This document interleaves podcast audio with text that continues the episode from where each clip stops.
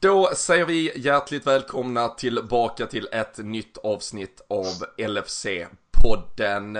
Vi gör i vanlig ordning det här avsnittet tillsammans med LFC.nu. Det är ju där ni eh, svenska Liverpool-supportrar har er samlingsplats och eh, ett medlemskap i den svenska supporterklubben hjälper såklart till att sätta Sverige då som så här supporterfalang lite på kartan. Och eh, det kan ha betydelse när det gäller att eh, förhandla fram lite deals och annat med Liverpool. Så är ni nu svenska Liverpool-supportrar då tycker jag att ni ska surfa in på lfc.nu och bli medlemmar. Det är också där ni kan hålla er uppdaterade dagligen med allt som rör Liverpool. Och eh, vi kommer ju prata mycket om det i dagens avsnitt såklart, men nu drar ju försäsongen igång på allvar. Spelarna är tillbaka på Melwood, matcherna börjar i veckan som kommer här och eh, Ja, det kommer hända saker egentligen hela tiden. Så det är bra att ha LFC.nu där lite som sin trygga famn, helt enkelt. Jag eh, ska få sällskap av eh, Kalle Sundqvist här i dagens avsnitt. Ni ska få sätta er till rätta och så sparkar vi igång detta tillsammans.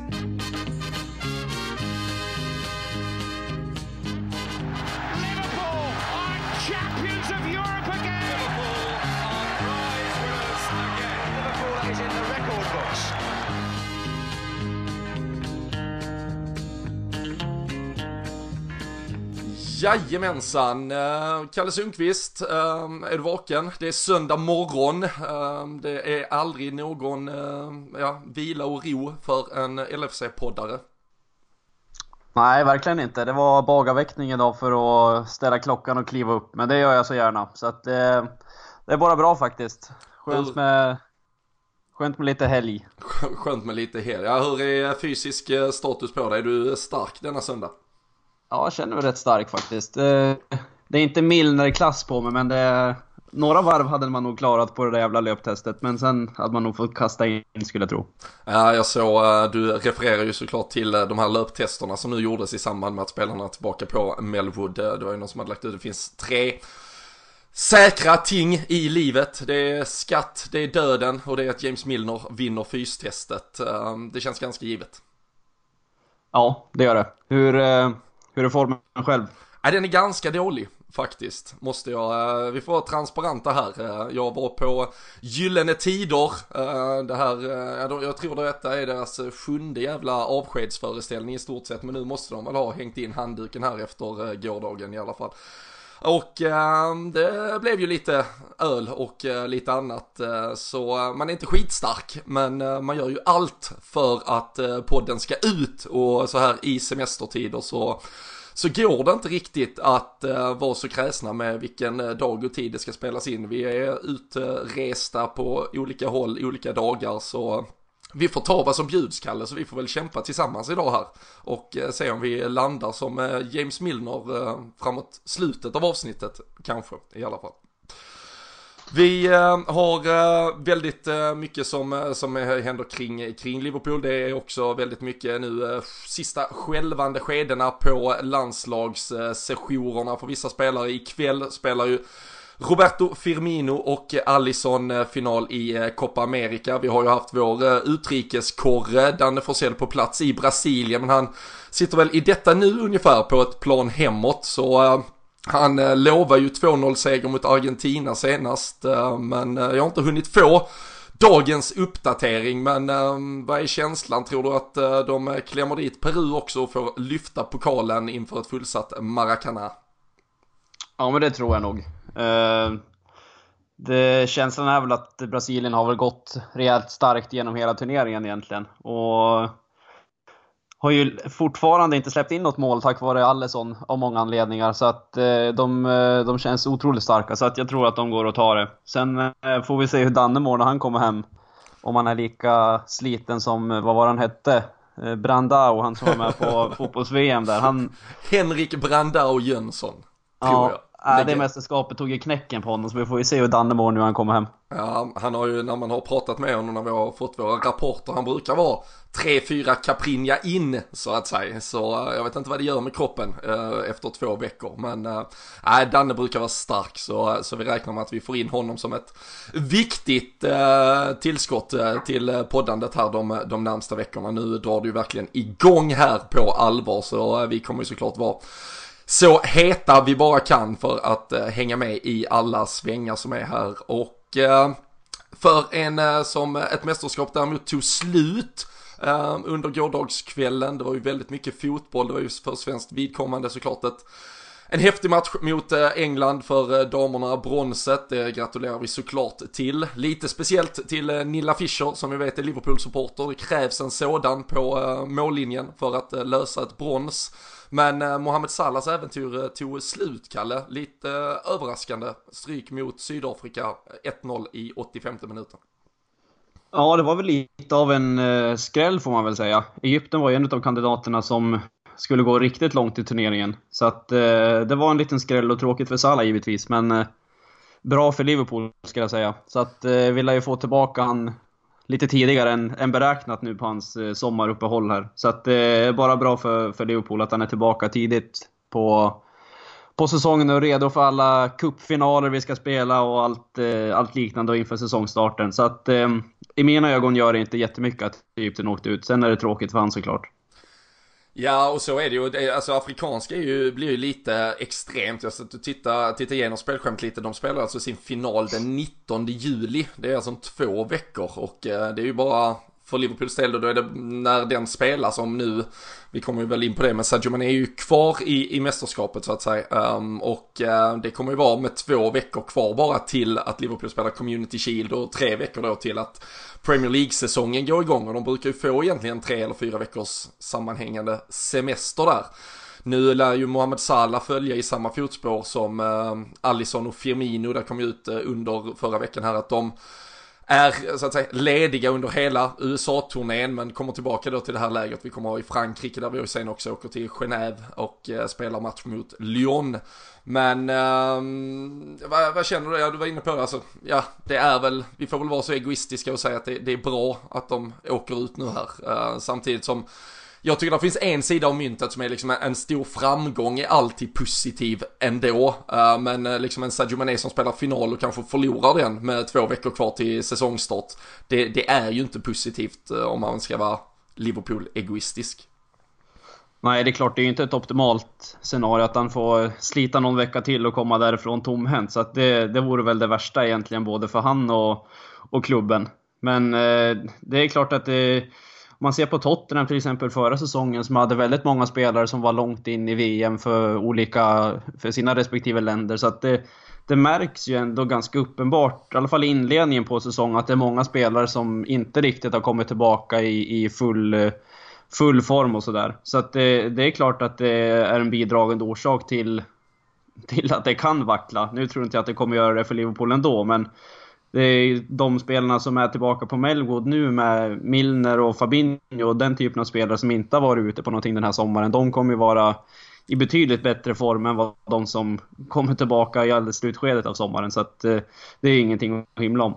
Nej, för jag, man minns, jag minns ganska tydligt hur, eh, alltså nu var ju van Dijk var ju fantastisk hela säsongen så det är, det är ju liksom att slå in en öppen dörr att, att han kom, var, var igång redan tidigt och var stark där från början. Men Holland spelade ju inget mästerskap under sommaren. Men jag vet att både han och Wijnaldum var ju verkligen två som Alltså de kickstartade ju säsongen, de var ju superfräscha och i super liksom eh, form direkt från dag ett. Medan vissa kanske kämpade lite mer om att hitta formen eh, så att säga. Och det är ju alltså, det måste någonstans vara ganska unikt i, i läget där med till exempel en Sadio Mané som rent teoretiskt kan alltså avsluta säsongen 18-19 då den 19 juli och starta säsong 19-20 den 4 augusti med Community Shield-matchen. Ehm, det är två, ja, två veckor, två dagar ehm, från eh, en säsong till en annan och ehm, det blir lite intressant att se där hur Liverpool hanterar den så att säga. Om de eh, kräver in honom eh, direkt eller om de försöker hålla, jag vet inte hur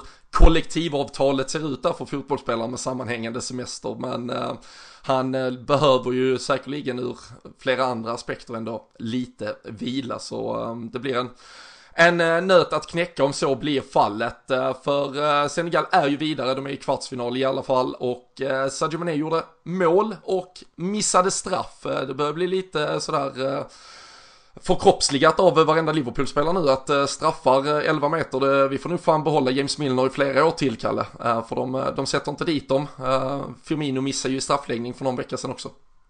Ja, det verkar vara problematiskt för för, för vissa. Och jag, jag tyckte jag läste någon rubrik också bara som hastigast. Jag gick in, aldrig in och läste på vad det var, men att Mané nu skulle börja lämna över straffarna. Jag vet inte om det var någon, eh, någon vidare sanning i det, men det är klart att eh, behålla James Milner som straffskytt, det, det, skulle jag kunna göra. Det är som i amerikansk fotboll eller vad det är, när de skickar in en sån här kicker eller vad det heter. Så kan de ju bara slänga in Milner när det blir straff. Så att... Eh, Nej, han, eh, han tuggar på uppenbarligen också på, på försäsongen, Milner. Sen, ja. är det, sen är det inte någonting som jag är superorolig över att Mané och Firmino springer och bränner en straff hit eller dit.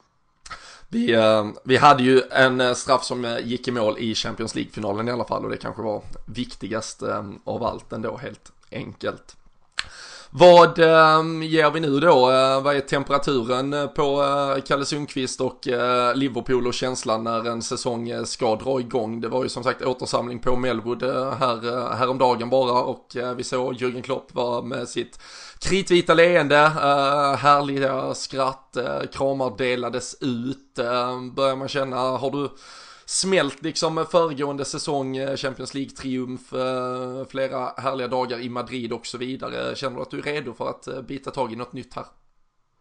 Ja men det är absolut. Jag tror jag sa det till Christian också när vi satt och spelade in senast här, att man har varit lite, nästan lite nöjd efter Champions League-finalen. Att man har kunnat mer eller mindre stämpla ut lite grann från fotbollen på ett sätt som jag inte har gjort tidigare somrar. Att nu har man äntligen fått uppleva någonting sånt där stort, så nu kan man bara luta sig tillbaka och njuta. Men Igår när det började rulla ut videos på Klopp, han springer runt och kramar och hälsar alla välkomna och man ser att eh, många spelare är tillbaka på Mello. Det är klart att man eh, har en känsla av att det börjar komma igång igen. Så att eh, nu börjar man se fram emot en ny säsong och det är alltid kul när försäsongen drar igång och se vad vissa lirare har, har att erbjuda. Framförallt några yngre som kanske kan, kan vara med och slåss om några platser i truppen eller bli utlånad. Så att det ska bli kul att se Eh, mest av den anledningen egentligen tycker jag. Sen är det bara skönt att tugget kommer igång igen, att man kan återgå till någon form av fotbollsvardag igen och hänga med i allt vad det innebär.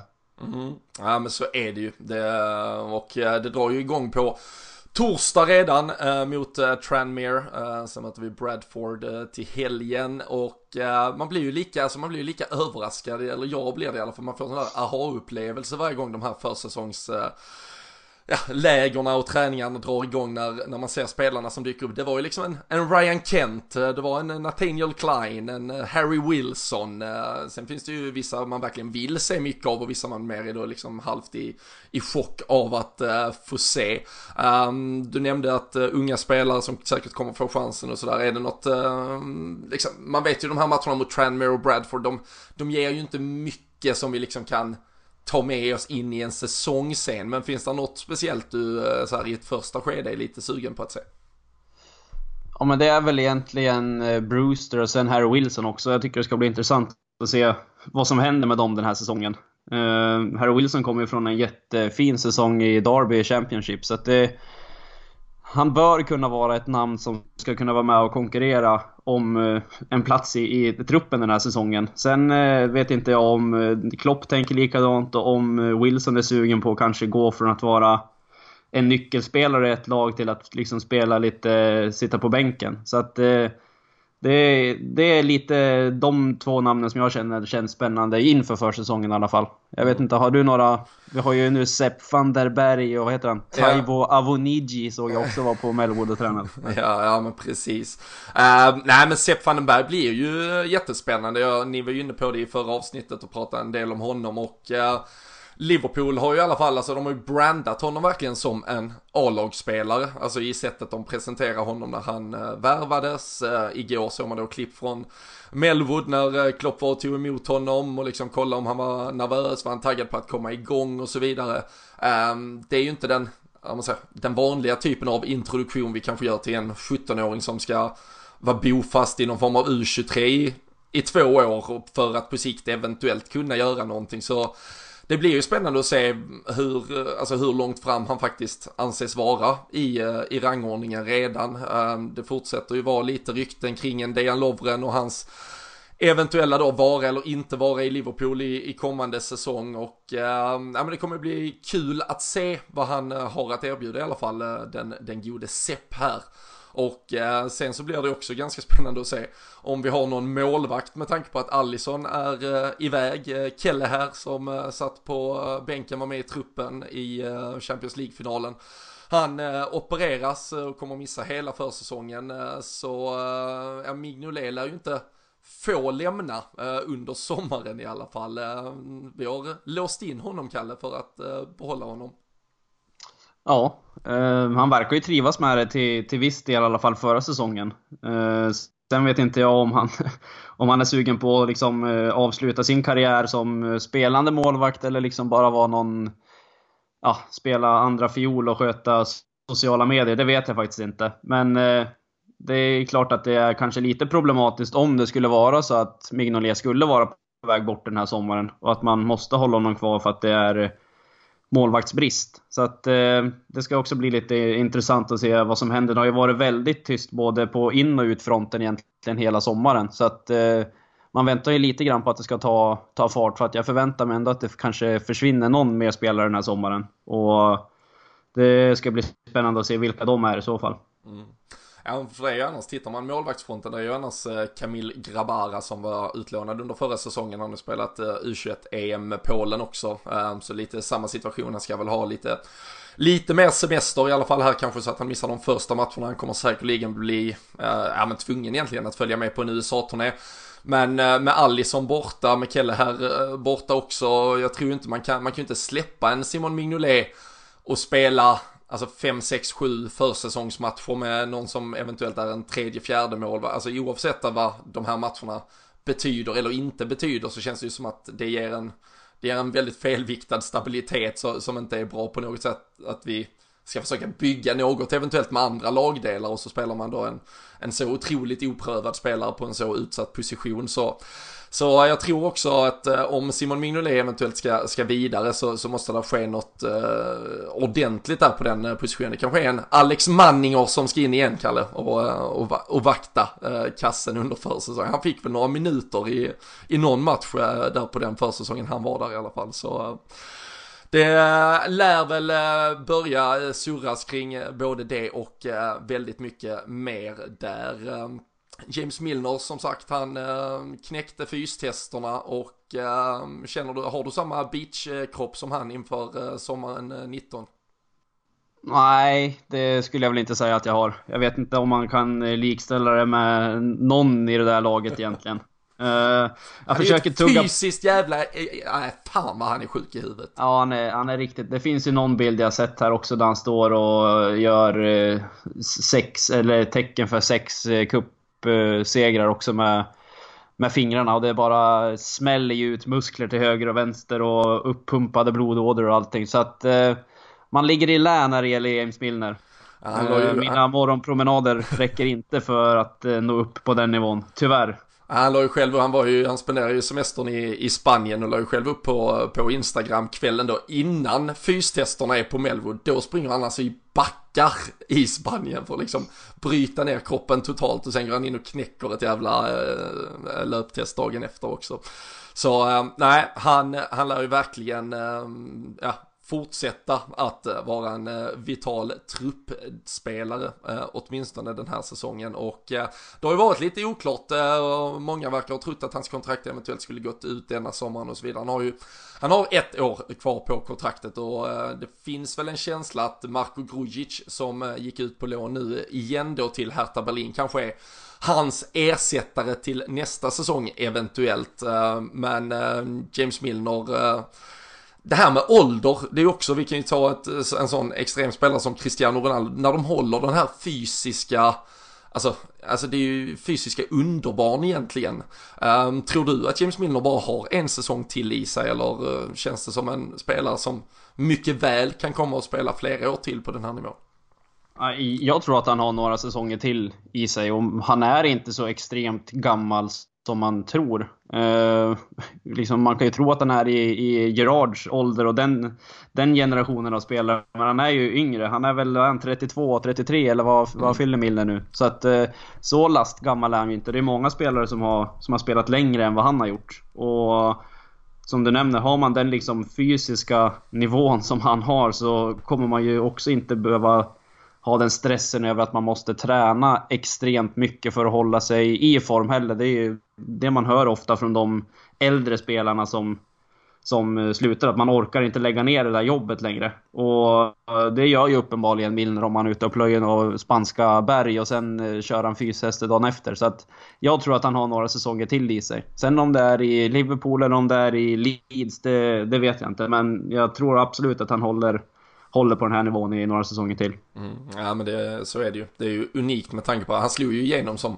16-åring eh, en gång i tiden. Så det gör ju som du säger, man, man känner att han har varit med i, eh, alltså egentligen förra generationens fotbollsspelare som, som både har slutat och hunnit bli tränare och mer därtill redan. Ehm, och Ehm, ja, han kanske faller in i lite fel fack där. Eh, han lär ju i alla fall vara en otroligt, ehm, alltså jag tror det är en spelare som, som sprider en, en sån extrem, ehm, alltså, ja men jag tror otroligt lärorik att ha kring sig eh, som ung spelare eh, på, eh, på Melwood åtminstone och eh, lär också eh, få vikariera på flera positioner. Vi får ju se lite vad som händer med en eventuell eh, Alberto Moreno-ersättare Annars eh, så var ju det något vi eh, var inne på, jag och eh, Fredrik, när vi körde ett litet silly-svep här för någon vecka sedan, att en James Milner mycket väl kan vara en spelare som täcker upp på den positionen också helt enkelt.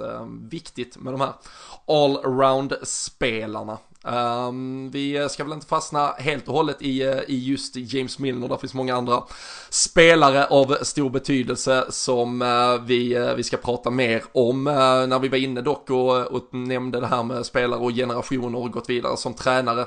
Det har ju blivit klart i veckan att Frank Lampard tar över Chelsea. Kalle, lite kommentar på det? Ja, jag trodde faktiskt inte att de skulle våga köra det kortet, eh, om jag ska vara ärlig. Så att, eh, jag tycker faktiskt att det är kul att eh, ändå...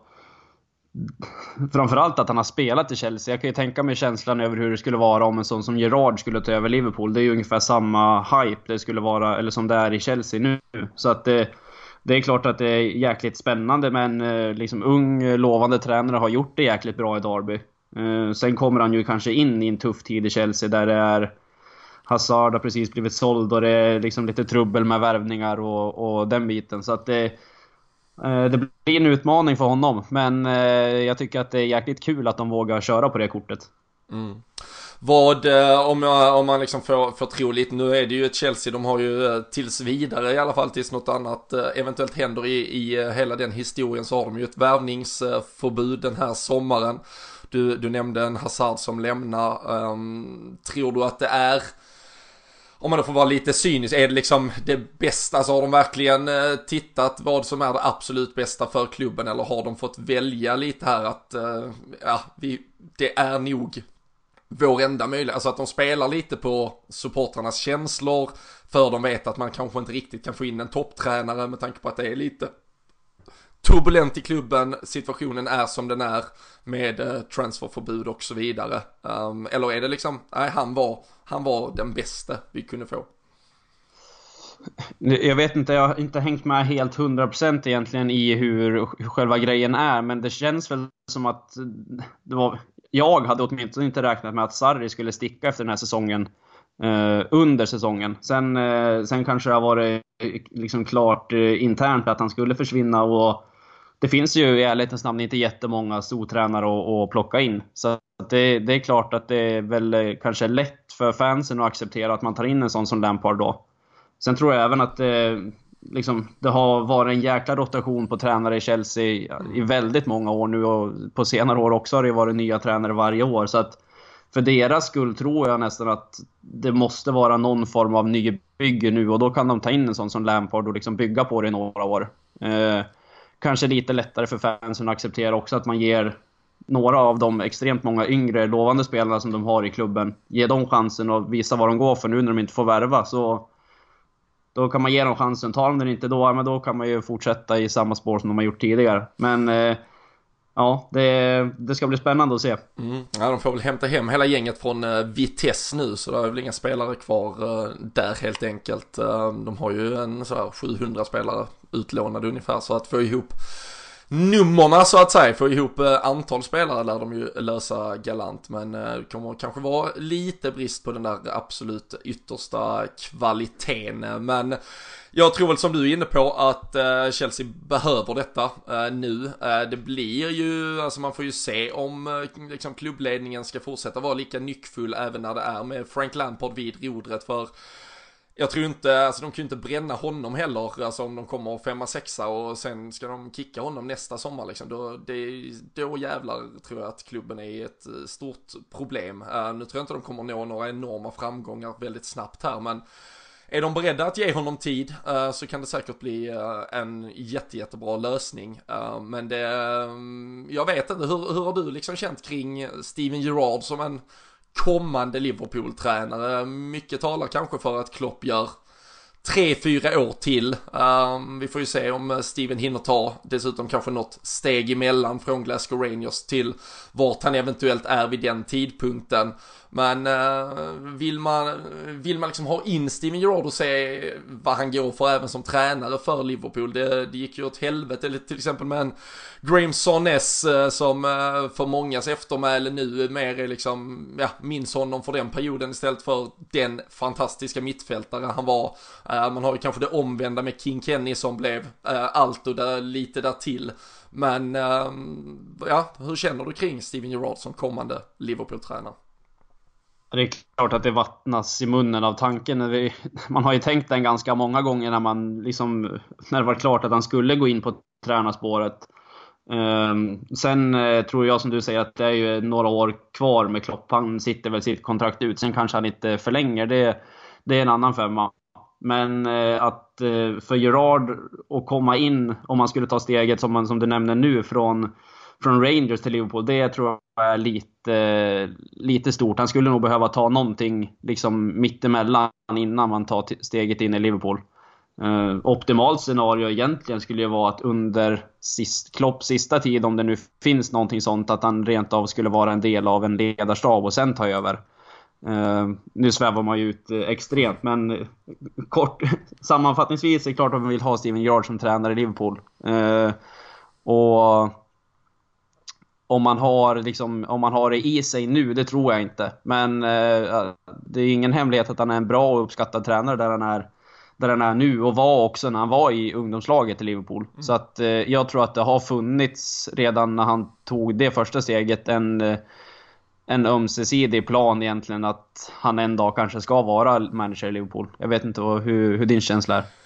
Nej men det, alltså jag tror också, alltså talar man bara från liksom supporterhjärtat så, så är det ju klart att det är en våt dröm att se honom stå och, och leda liksom trupperna uh, där ute. Tänkte jag se liksom en uh, eh, Trent Alexander-Arnold knoppa in en avgörande frispark och hoppa i famnen på Steven Gerrard liksom. Alltså det, ja det är ju så att det kan resa sig lite hår eh, här och var när man liksom tänker tanken på det. Uh, men det är ju också att, att leka med elden någonstans, att ge den här liksom legenden som eh, vi på alla sätt kommer att älska för evigt för allt det han redan har gjort.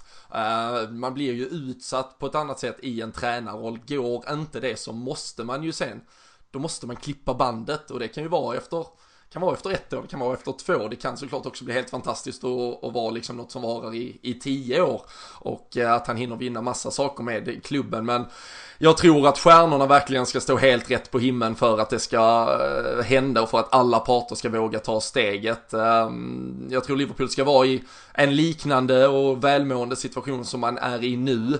Ehm, men kanske att man inte helst heller har vunnit tre raka ligatitlar och att det är det som krävs liksom direkt från start att han ska fortsätta vinna utan vi är där uppe och slåss hela tiden. Eh, vi har det här fundamentet vi står på idag och, eh, och han har förhoppningsvis liksom utvecklats som, som tränare också och har möjligheten att gå in och, och förbättra oss. Eh, för det ska man ju liksom kräva att han gör om det ska vara aktuellt att, att göra förändringen.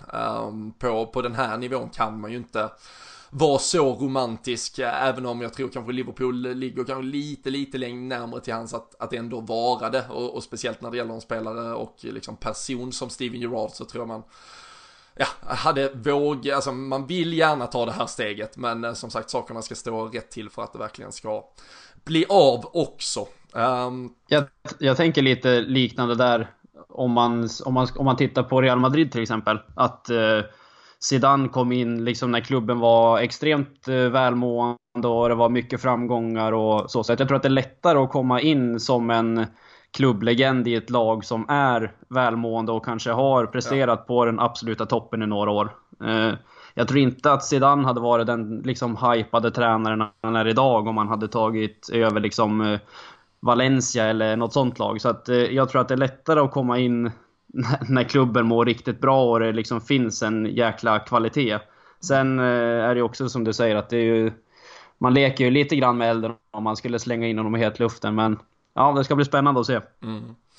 Och, eh, och där tycker jag liksom Zidane får ju, alltså det är ju klart han var en klubblegend på alla sätt men det får ändå, jag tycker Frank Lampard nu blir ju första gången om vi säger i alla fall i den här eran av eh, liksom spelare och alltså klubblegendarer på, på allvar som verkligen går då steget att eh, från att ha varit spelare och tillbaka till att leda sin klubb. Alltså det är ju, de Han är ju City-legend också vet du väl? Ja, ja men precis. Deras...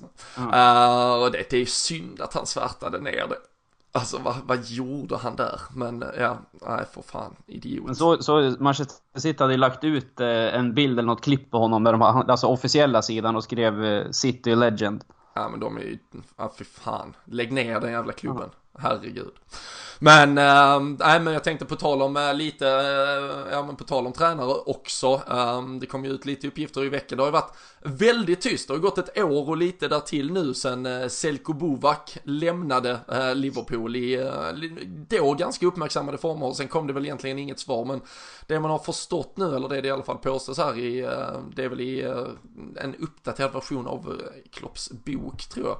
Ehm, så är det väl också att just Just att Pep Linders eh, som vi har pratat om eh, mycket här, men att, att han som assisterande tränare, han var ju egentligen inte en del av ledarteamet men när han kom tillbaka efter sin session i Holland där han provade vingarna eh, som huvudtränare så, så fick liksom Klopp, eh, alltså det blev kärlek vid första ögonkastet egentligen och han ville ju använda honom mycket mer i, i allt han Uh, egentligen tog sig an och i hela liksom eh, med taktiska upplägg och så vidare. Och det är någonstans föste bort. Så det var väl lite svartsjukedrama där uh, snarare som har varit kanske orsaken uh, till att den förändringen blev då. Och där tror jag också, alltså i Pep Linders tror jag också att Liverpool eventuellt har en kommande tränare som mycket väl skulle kunna ta, ta steget fullt ut och vara den som ersätter Klopp om, om tre, fyra år också när hans eh, kontrakt går ut om han nu inte väljer att stanna för evigt eh, som eh, vi säkert hade velat men han har väl gjort ganska tydligt att han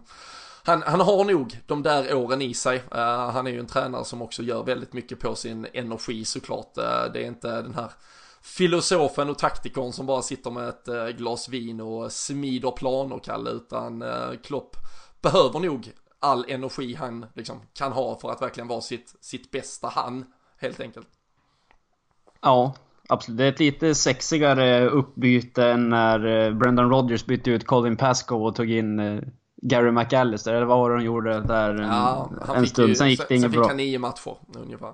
Ja. Men äh, äh, han är med, det är klart han... att det, ja, det är klart att det finns en potential i honom. Annars hade ju aldrig Klopp satsat på honom som han gör nu. Och uppenbarligen är det ju han också som driver mycket av det liksom taktiska rent eh, på träningsplanen likväl som, som det var innan han kom in. Så att det, det är klart att både klubben och Klopp tror på honom. Så att det, det ska också bli spännande att se, se vad som händer. Han har som du sa, han provar ju vingarna själv där ett tag. Men jag tror att det kan vara bättre att köra lite i, i bakgrunden under en eh, stor etablerad tränare och kanske inte ha så jättemycket ögon på sig utan att få jobba i det tysta och liksom skörda lite framgångar den vägen för att sen, sen prova. Så att eh, ja, det känns som en eh, jäkligt sund eh, liksom, ställning för honom just nu också tror jag.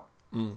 Han är också bara 36 år, ehm, så det är ju en eh, riktigt eh, ung och eh, lovande tränare det också, Pep Linders. Så det, nej, ehm, vi får se. Ett, det blev ett sidospår på, på managers och potentiella tränare, men vi, vi känner väl att Jürgen Klopp gärna får sitta där han sitter, stå där han står och leda sina trupper i, i flera år framåt innan något annat händer.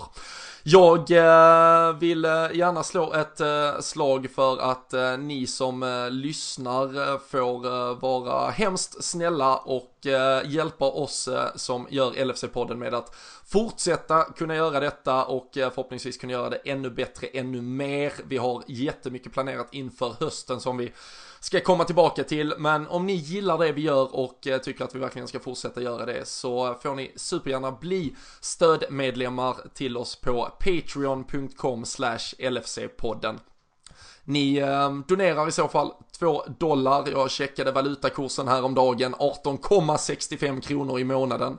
Och eh, då eh, bidrar ni helt enkelt till att vi kan fortsätta göra det vi gör och eh, göra det mer, bättre, oftare och eh, förhoppningsvis framförallt också, det är ju det vi tycker är väldigt roligt, komma ut när det är eh, stora träffar runt om i landet, eh, hitta på saker tillsammans med er. Och äh, Kalle, vi har ju en äh, fullbokad jäkla höst här. Det är eh, redan mot Manchester City Community Shield-matchen, då drar vi till Göteborg och sen är det poddresa eh, framåt senhösten och så träff i Malmö och eh, allt möjligt. Fan, vi får nog verkligen vila upp oss ett par veckor för att orka hösten eller hur känner vi? Är vi taggade? Ja, extremt taggade. Det känns jäkligt kul att det blir mer och mer event ute bland eh, folket. Eh, och förhoppningsvis eh, några lyssnare också som är på plats och vill snacka fotboll och ta en öl och bara ha det jäkligt trevligt. Så att Podden Away förra säsongen var en extrem succé och nu är det liksom två nya poddresor inbokade och övriga event som du nämner här. Så att det är jäkligt kul att eh, det rör på sig, att eh, man kommer ut och träffar andra supportrar. För att det är, ju, det är ju det det handlar om. Det är därför vi gör det här. Att man vill ha så extremt kul med andra, andra likasinnade. Så att eh, är man inte inbokad på någon av eh, eventen och träffarna du nämner här så bör man absolut eh, lägga på ett call, på alla fall på, på supporterträffen i, i Storträff Syd. Och sen eh, lika i Göteborg också. Så att mm. det tycker jag alla som har tid och möjlighet och viljan att göra ska bara slänga sig på det. För att det är jäkligt kul att komma ut och träffa, träffa andra supportrar. Ja men verkligen och det är en eh, som sagt en riktig jäkla superhöst och eh, säsongsinledning vi, vi har här. Vi är som sagt i eh, Göteborg på Olivedal, eh, Tobbe Husseins eh, place i eh, Göteborg den 4 augusti. Eh, där går man in och eh, bokar sin plats på olivedal.se. inga anmälningar i övrigt utan man går in och bokar ett bord som, som vanligt så att säga.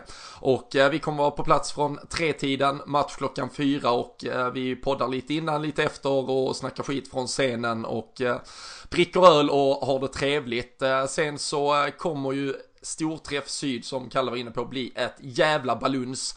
Där kommer vi få in, eh, ja men Liverpools numera världsberömde hustrubadur Jamie Webster, mannen bakom väldigt många av de sångerna vi sjunger på pubarna på matcherna runt omkring i Europa och vi har cirka 380 platser där och eh, jag fick en, eh, ett pling i telefonen här från eh, min kära vän David som jag roddar ihop den där träffen med nyss. Att vi sprängde 300 pers här så vill man komma och partaja den 31 augusti så är det in på lfc.nu snabbt som attan som gäller för att få all info och se till att säkra sin plats för det de kommer vara slut eh, inom några dagar bara här så eh, se till att säkra er plats, det kommer bli skitskoj och eh, sen vet jag att eh, smids järn för att få till något riktigt kul i Stockholm också under hösten så eh, Håll utkik på LFC.nu, ni har rabatterade priser om ni är medlemmar också, så eh, är ni inte redan det så kanske det är ett incitament för att bli medlem helt enkelt. För eh, det kommer hända väldigt mycket skoj i alla fall. Några dagar kvar Kalle, sen är säsongen eh, igång eh, på riktigt. Eh, vi tar färjan höll jag på att säga, men jag tror de tar tunneln. Det bör gå lite enklare och så är det Tranmere som väntar på torsdag. Hur är känslan? Börja, fan, är du game mode? Uh, ja, inte riktigt uh, än tror jag. Nu, nu har ju försäsongen precis dragit igång men uh, nu det börjar matas ut material hela dagarna från träningar och liknande och det blir match till veckan så att det Imorgon måndag skulle jag nog säga att jag är i, i igång i game mode igen och börjar se, se fram emot det. Det är ju två lag där det blåser extrem medvind. Tranmere gick ju upp i League One nu också mm. förra förra säsongen i en dramatisk playoff där. Så att det, eh, det är kul att det går bra på andra sidan pölen där också. Så att det är hjärtligt eh, har ju bara blivit ett stående event det här nu att man kör försäsong mot Tranmere. Så att det eh, ska bli kul att det är igång. Sen mm. Eh, vet jag inte om han eh, jag tror fortfarande han spelar den uh, mittbacken där, McNulty eller vad han heter. Han ser ut som att han... Uh, han har inte kört samma försäsong som James Milner, men uh, vi får väl se om uh, ungtupparna kanske springer i åttor runt honom. Det, det är någonting vi kan hålla utkik efter på torsdag också. Ja, för fan. Det var väl mot uh, Tranmere förra året som uh, Karius också rök på en sån jävla tavla igen när man liksom så här nystart, nu jävlar ska han visa att han är tillbaka efter debaclet i Champions League-finalen och så halar han in en eh, frispark eh, från eh, någon sån där jävla eh, bagare, eh, deltidsarbetare. Eh, så eh, nej, vi, vi hoppas väl att den här säsongen får en, en annan kickstart mot Trent. Har du varit på Prenton Park förresten vid något tillfälle? Ja, jag var där på en U23-match en gång. Ja, okej, okay, när Liverpools U23 spelar. Ja, precis. Uh, hade Klopp bara några rader nedanför, men han hade varken uh, tid, ro eller lust till att, till att prata. Så att uh, det fick gå ändå. Ja, men ja. det är ju en, en, ganska... Det är en gammal, sliten, riktig fotbollsarena här ju. Så att du var väl där också någon gång med var inte du där med Kristoffer Petersson va? Jo men precis, han, mm. han var ju utlånad, han gjorde ju en eh, sväng i, i Tranmere, han fick väl en 8-10 matcher eh, totalt eller något sånt. Så det, det, här var precis efter att han hade varit utlånad, då, då var vi över på någon Liverpool-match och då var han ledig, eh, så då tog han eh, med oss eh, dit. Så Tranmere mot Coventry, piskade dit det gamla hederliga Coventry med 3-1, så det var fint. Då var det jubel på, på Prenton Park. Det, ja, men det kan man väl ändå tipsa om, alltså har man ett par extra dagar i Liverpool och man får ena i alla fall då helgdagen. Det är ju oftast att de spelar lördagsmatcher men om Liverpool då spelar på söndagen så kan det absolut rekommenderas eh, en liten avstickare dit där och det är ju eh, inget eh, supersvårt projekt att lösa biljetter till och så vidare. Man kan väl till och med lösa det på plats men annars är det bara att gå in på Tranmers hemsida och klicka hem biljetter. Det är en rätt kul utflykt, går ganska snabbt att ta sig dit, man kan ta en taxi dit eller åka kollektivt om man vill det. Men det löser sig ganska lätt och det är ju en så här riktigt häftig, genuin fotbollsupplevelse helt enkelt. Um... Kanske träffa på Mike Dean där också. Han är ju en uh, riktigt inbiten ah, Tranmere-supporter. Fan vilka jävla scener när han stod och ledde styrkan i uh, playoff-finalen där. Alltså det är uh, magiskt. Jag gillar, jag gillar fan när man ser alltså, den typen av offentliga personer ändå i fotbollssammanhanget. Att de bara kan uh, leva ut sitt supporterskap. Det ska de få göra också. Ja, verkligen. Och det har ju varit en det måste ha varit en dubbelstuds nu för Trump, alltså de åkte väl till och med ur League 2 för då två år så tog de sig tillbaka till League 2 och sen upp eh, till League 1. Så eh, som du var inne på där, det eh, blåser positiva vindar på båda sida båda sida pölarna helt enkelt. Det är väl Everton som får ursäkta bara, de får, de får vara det svarta fåret i, i sammanhanget på Merseyside helt enkelt. Um, du nämnde en spelare som Harry Wilson till exempel, någon annan, Ryan Kent är ju en sån här typisk försäsongsspelare. Uh, tror du vi får se liksom att uh, hattrick av båda och sen är man skitsugen på att uh, se dem hela säsongen. Det brukar vara ungefär så, så det startar i alla fall och sen så blir det samma lag som väl står där när det väl vankas uh, avgörande matcher i augusti och försäsongen är över. Ja, risken är ju, eller risken ska jag inte säga, men det, det finns ju en möjlighet att, alltså nu möter ju Liverpool lag som är betydligt sämre än de lagen de har varit ut utlånade till. Så att det, det, är klart att de kan glänsa och se riktigt bra ut i den typen av matcher. Eh, sen får man ju liksom se senare om det är någonting att liksom satsa på den här säsongen eller om de ska lånas ut igen. Jag har ju svårt att tro att Kent blir kvar till exempel. Han kommer nog gå på lån. Eh, men eh, Nej, jag är, jag är lite spänd på Wilson faktiskt. Jag skulle vilja se honom i Liverpool. Sen vet jag inte om han är redo än. Mm, nej, och eh, som sagt det kan ju bli, alltså, mm, vi nämnde ju där en, en Sadio Mané som eventuellt får ett väldigt litet break och som inte riktigt kommer att kunna vara hundra kanske där i, i början av eh, säsongen. Eh, kom ju också uppgifter igår att eh, Sherdan Shakiri undersöks ju, han har ju haft lite skadeproblematik från Nations League-spelet som han var på med, med Schweiz där eh, veckan efter eh, Champions League-finalen. Ehm, och det gör ju att det ja, värvas det inget så är det ju lite tunt i, eh, i offensiven och vi får ju se där hur de då kanske väljer, det skulle ju kunna bli en situation där Harry Wilson eh, faktiskt spelar ett par, fyra, fem matcher i augusti för Liverpool innan han går på eventuellt något i då, alltså slutet av augusti. Det är ju Premier Leagues eh, transferfönster stänger ju i samband med att säsongen drar igång, men det finns ju andra möjligheter att ändå alltså, avyttra spelare senare. Tror du det skulle kunna vara en, liksom, en situation vi står inför med tanke på att vi har ändå lite mästerskapssargad trupp till säsongsinledningen? Ja, ja, men det skulle det kunna vara, absolut. Sen eh, är ju frågan om de lagen de eventuellt ska på lån till är eh, lika sugna liksom att hålla på det och vänta med att sätta sina trupper. Så att det är fler eh, pusselbitar som ska läggas. Men det, det är helt klart att det är ett alternativ med de, de skadorna du nämner och att eh, vissa spelare kommer tillbaka sent och så vidare. Så att, eh, och det är väl också positivt i den meningen att de spelarna som verkligen får chansen att visa upp sig kan göra det på, på riktigt och under liksom en lite längre tid än bara någon, någon träningsmatch på, på Prenton Park. Så att det... Ja, men det är det, alltså det är det man känner... Lite, Ja, förlåt. Nej, kör du. ja, men det är väl det man känner att det blir ju så fel också när man ska bedöma dem. Alltså man kan ju någonstans se deras, ja men lite av deras individuella styrkor och så vidare. Men om, om vi nu får se Harry Wilson i ett tremannaanfall med Ryan Brewster och Ryan Kent. Det, det, det ger ju oss ingen bild av hur bra han faktiskt kommer att vara i den miljön. Man hade ju velat se honom spela typ Community Shield-matchen mot City med Salah och Firmino liksom.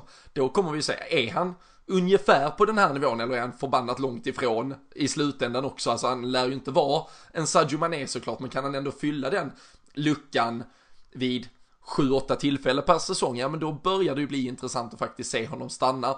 Men det kommer inte ge oss någonting att se honom spela i en position där han har uh, Nathaniel Klein bakom sig och eh, det är liksom uh, Nat Phillips uh, som är mittback och så vidare. Så det, ja, man vill, det vill ju till att eh, man får se någon så jag tycker det är ofta Alltså man ser ju ofta att eh, spel, det roteras så otroligt mycket när man då ska, ja men vi ska ge de eh, unga chansen eller vi ska ge några nya spelare chansen.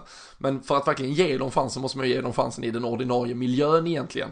För jag tycker inte det säger någonting om, det, kommer, det är väldigt svårt i alla fall att tyda vad Harry Wilson kan erbjuda i ett liksom Premier League Liverpool när man ser honom i en B-lagsuppsättning mot, mot Tranmere som sagt. Så eh, ja, spännande är det och eh, det kommer ju hända mycket på försäsongen som eh, vi kommer att få återkomma till och rapportera från. Det är också bara två veckor till så att jag och Jocke Lundberg sticker till Boston. Vi kommer ju rapportera från en av matcherna där på USA-turnén. Vi kommer eh, se eh, Liverpool-Sevilla på Fenway Park. Och eh, där kommer ni såklart kunna hänga med bakom kulisserna. Vi ska försöka få till så mycket material som bara möjligt så den här försäsongen ska vi se till att den ja, blir något litet extra Kalle.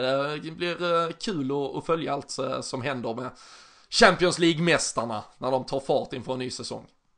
Ja, det blir extremt spännande. Och jäkligt kul att eh, ni drar över och kör, eh, kör försäsongen i staterna också och, och håller koll på läget där. Jag såg att eh, John Henry var ju här i Sverige nu på någon, eh, någon semester. Så att vi, vi kör ett litet utbyte där, podden och ägarna. Att de eh, kollar läget här och så kollar vi läget borta i Boston. Så att eh, det blir ju en eh, extremt fin sommar. Och det är klart att det, det, finns ju en, det finns ju ett jäkla intresse för Liverpool i USA också.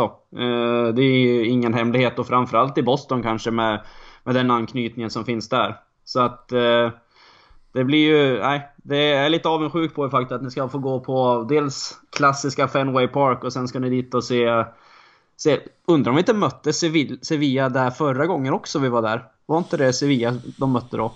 Det, jag kan eh, svamla rejält här nu, men jag tror nästan det. Eh, men eh, jag ser fram emot att följa åtminstone eran resa från, eh, på plats. Ja, men det är ju försäsong eh, även eh, off eh, pitch helt enkelt. Jag trodde du var lite av, mer avundsjuk på att vi skulle på Samuel Adams bryggeriet och dricka bärs. Du är ju en notorisk öldrickare av rang, Kalle. Men vi ska väl försöka hinna kombinera både nytta och nöje på plats i Boston. Har man om det är någon lyssnare eh, som har varit en del i Boston och har några tips eh, får man ju gärna eh, tagga in det på eh, Twitterkontot där, att LFC-podden. Vi eh, har några intensiva dagar eh, och eh, vi ska försöka hinna med så, så mycket som bara möjligt eh, helt enkelt. Eh, Säsongen drar igång på torsdag eh, mot eh, Tranmere. Eh, jag tänkte Kalle, en sak som har varit väldigt mycket på tapeten och som kommer att vara en del av Premier League-tapeten då också när säsongen väl drar igång. Det är ju annars det fantastiska hjälpmedlet som domarna numera har i form av VAR. Eh, det räddar ju Sveriges brons igår bland annat, så nu hatar väl hela England eh, fanskapet eh, såklart på, på samma sätt som hela svensk media och Twitter verkar ha fått upp ögonen under mästerskapet också och varit väldigt upprörda fram tills igår, för jag har inte sett mycket upprörda miner när det hjälpte oss att hålla ett 2-2 mål borta. Um, det har ju verkligen blivit uh, aktualiserat framförallt i Sverige kring VM nu känner man. Det har varit väldigt, väldigt mycket Um, fasar du inför att uh, det bara kommer pratas eh, uh, domslut uh, hela Premier League-säsongen eller har du mer tro till det i, i det sammanhanget vi kommer få se det i, i förhållande till hur det har sett ut här under dam-VM till exempel? Ja, jag tror faktiskt att man, att man måste försöka skilja på det. Det har funkat helt okej okay många gånger tycker jag. Eh, på senare tid att det har blivit bättre. I början när VAR kom så var det ju liksom extremt mycket kontroller och tidsödande och det tog liksom bort lite av charmen. Och det är väl den känslan man har fått lite nu i VM också, att det har varit dels nytt i, i VM, för, alltså i dam-VM. Och att liksom de som dömer är, där är inte vana vid att använda liksom VAR liksom när de dömer till vardags. Så det är klart att det är en omställning för alla. Det är ju både liksom från spelare och domare och allting. Så att eh, jag tror att det är lite, lite mer inarbetat eh, bland domarna som dömer i Premier League. Och spelarna är vana vid det nu också i, i vissa sammanhang. Så att jag tror att det funkar lite bättre. sen finns det absolut mycket att jobba på, men jag tycker i grunden ändå ett, alltså ett välfungerande VAR som inte tar över matcherna alldeles för mycket tycker jag i grunden kan vara bra. Sen måste man verkligen hitta, hitta den här balansen av att det ska liksom skötas effektivt. Att domaren som dömer matchen inte behöver springa ut på sidlinjen och stå och titta på någon TV-skärm utan det ska kunna ges ett besked till honom direkt i, i lurarna och sen är det bara att, att köra på det. Så att eh, jag tror att det kommer funka bättre i Premier League. Mm. Eh, sen kommer vi nog säkert sitta här någon gång under säsongen och svära över att det har, att det har fungerat eh, dåligt. Men det... Ja men det är också, ja. alltså det, det, jag tycker det är sånt otroligt, eh, liksom, ja men i stort sett hyckleri från Alltså det har ju varit det blivit otroligt uppmärksammat om man säger. För svenskt vedkommande så känns det som att det här dam-VMet har liksom satt eh, VAR på, på kartan här. Uh, och uh, det har blivit ett uh, jävla ramaskri kring hur det används. Um, och sen så sparkar allsvenskan igång med lite matcher och då blir det istället ett ramaskri att domarna är för dåliga och de missar saker hit och dit. Um, så liksom någonstans får man ju välja hur vill ni ha det. Antingen så får vi ju ta det för att ja, det, allt kommer, det kommer gå åt helvete. Det blir en jävla massa feldomslut hit och dit ta då det, eller så har vi ett hjälpmedel här som kommer att göra att vi i alla fall kommer lite närmare verkligheten, sanningen och eh, faktiskt en rättvisa, eh, hur nära man nu kan komma den i slutändan. Men eh, jag tycker verkligen, jag, jag tror Dels egoistiskt så tror jag att VAR kommer vara bra för ett lag som, som Liverpool, alltså ett lag som har bollen väldigt mycket i straffområdet. Det blir fler straffar med VAR till exempel. Du kan inte blunda för en kontakt för den är så uppenbar och den kommer vevas för varenda media, eh, liksom sändande bolag och så vidare kommer liksom verkligen, eh, du har fått se det här som domare, har du sett detta 20 gånger och ändå valde du att inte göra det. Nu kan man alltid skylla lite bort att, ja men i den situationen, jag uppfattar inte det där och då och så vidare. Så jag tror, för Liverpools del, om man då säger egoistiskt, tror jag det kan vara bra. Kommer säkert komma tillbaka och bita mig i röven bara för det, att vi får någon eh, offside-avvinkning i 97 minuten i avgörande matchen i 38 omgången istället. Men, eh, och sen så tror jag också att som du var inne på, de här domarna under dam-VM har inte haft möjlighet att döma med systemet tidigare. Eh, de har inte haft tillräckligt mycket tro på sig själv kanske. De har verkligen velat dubbelkolla, studera situationerna otroligt mycket i detalj. Vi får ju faktiskt komma ihåg att vi hade var hela Champions League-slutspelet till exempel. Um, och utöver egentligen, det var väl Manchester United fick en straff där i slutskedet mot eh, uh, PSG det var såklart det här avgörandet i, i Tottenham City som eh, blev extremt, där var liksom visade sig från både sin bästa och sämsta sida beroende på vem man hade sina sympatier med i det skedet. Eh, men annars var det egentligen aldrig några riktigt stora sekvenser där var faktiskt ens var det som diskuterades. Eh, jag såg att Harry Winks, eh, Tottenham-spelaren, satt i någon eh, morgonradio här och sa att han tyckte det var jättekonstigt att Skomina som dömde Champions League-finalen inte kollade den handssituationen som föranleder straffen på att han inte kollar den på VAR, men han har ju såklart konsulterat VAR, han har ju fått i örat, ja det är straff. Och det är på det sättet VAR ska användas och kommer att användas till 99% tror jag. Så jag, eh, jag är ju en eh, VAR-förespråkare, jag vet att eh, många som lyssnar säkert tycker tvärtom och det lär bli diskussioner under säsongen. Men tycker ändå det ska bli ett välkommet inslag i Premier League. Jag tycker att man så ofta under så många år har suttit här och varit ganska beklämd på ja, domare som inte riktigt har uh, hängt med fysiskt, de har inte riktigt varit i situationerna när det avgörs inne i straffområdena. Linjedomarna har missat lite för mycket offsides och så vidare. Um, då tror jag på förhand i alla fall att detta alternativet är bättre. Så um, vi får se, men vi lär återkomma även till massvis med VAR-diskussioner vad det lider. Um, snart uppe på timmen, Kalle. Vi behöver ju uh, skaffa oss uh, James Milner-kroppen, så det är väl dags att avrunda um, höstens alla event. Har du koll på nu var man anmäler sig till allting? Um, så att uh, du själv också säkrar dina platser. Jajamän. Olivedal på deras hemsida bokar man bord för att vara med där nere när det är eh, Community Shield. Och sen ska man fort som attan enligt, eh, enligt rapporter från dig här nu alldeles färska i poddavsnittet ska man in på eh, lfc.nu och eh, lägga vantarna på ett par plåtar till Storträff Syd för att där, eh, där brinner det i knutarna rejält nu. Och eh, det vill man ju inte missa. Nej men eh, det vill man verkligen inte och jag tycker det är en eh, jävla superdeal vi har fixat där. Vi har ju abonnerat eh, O'Larrys i Malmö hela dagen där den 31 augusti. Vi möter Burnley till kvällen 18.30 avspark. Jamie Webster kommer vara med oss under hela dagen och det för 399 spänn då har man en burgarbuffé, vi bjuder på en öl, man har fri bowling hela dagen. Det är sån här super O'Larrys ju som har allt och lite till och så kommer då Jamie Webster att eh, underhålla oss eh, säkert både inför eh, och efter match. Det kommer att bli ett eh, jävla supergille. Så eh, säkra era platser eh, idag tror jag, för eh, det finns en stor sannolikhet att de är slut i morgon. Um, ehm, tack för att ni har varit med och uh, lyssnat idag. Det är fortfarande lite sådär spretiga avsnitt när vi inte har våra matcher att uh, förhålla oss till, men det händer alltid mycket kul kring Liverpool och uh, då finns vi här och diskuterar det. Snart drar matchandet igång, då kommer det att bli väldigt mycket mer från oss och Eh, vi har också faktiskt eh, dragit igång en fantasy-liga. Eh, den ska man såklart eh, haka på. Det kan man läsa på Twitter vad koden är för att eh, hoppa in och så ska vi se till att våra vänner på Sam Dodds eh, kastar in lite sköna priser. Eh, du var ju, eh, du agerar ju Klopp åt eh, poddlaget för två år sedan Kalle körde Coutinho med binden fram till säsongsavslutning fast att han var såld redan i januari. Är det en av dina starkare coachinsatser? Ja, men det skulle jag nog säga att det är.